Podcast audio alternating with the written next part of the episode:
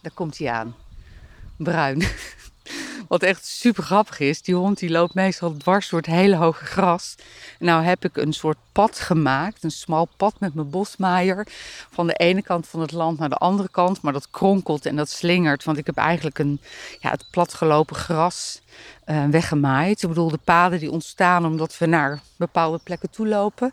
En daar waar het gras plat gelopen is, daar uh, maak ik een pad van. Of tenminste, daar maai ik het gras kort, zodat we wat uh, paden krijgen waar we overheen kunnen gaan.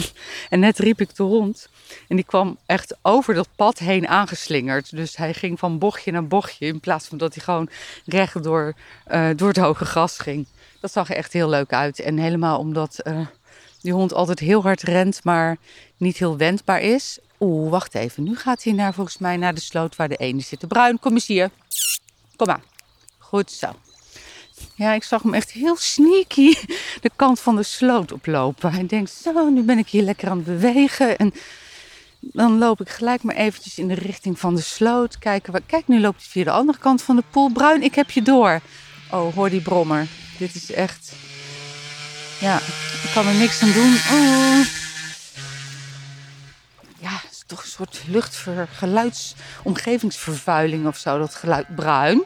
Niet naar de sloot. Kom. Op de andere kant van de poel deed hij nog een poging. Maar ik had minder smiezen. Je ziet hem namelijk bijna niet door het hoge gras. Als hij van de paden afraakt, zie je hem dus bijna niet ziet er trouwens wel echt zo leuk. Bruin, kom op jongen. Dit is de derde keer. Hier komen. Kom maar. Het ziet er zo grappig uit. Wordt het mega hoge gras. Wat echt prachtig in bloei staat trouwens nu. Oh, en dat klinkt ook zo mooi hè, gras. Hoor maar. Ik hoop dat je het hoort. Je hoort het niet zo hard. Het is zo'n fijn geluid. Oh kijk, er vliegen ook nog wat pluisjes van de paardenbloemen rond. Ja, ze zijn in feite uitgebloeid. Maar er zit nog wat uh, zaad aan de steel. Ik kan nog eentje uitblazen.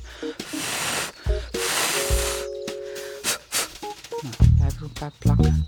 Ziet er ook wel gaaf uit hè, als er zo nog maar een paar aan dat bolletje vastzitten. Hm.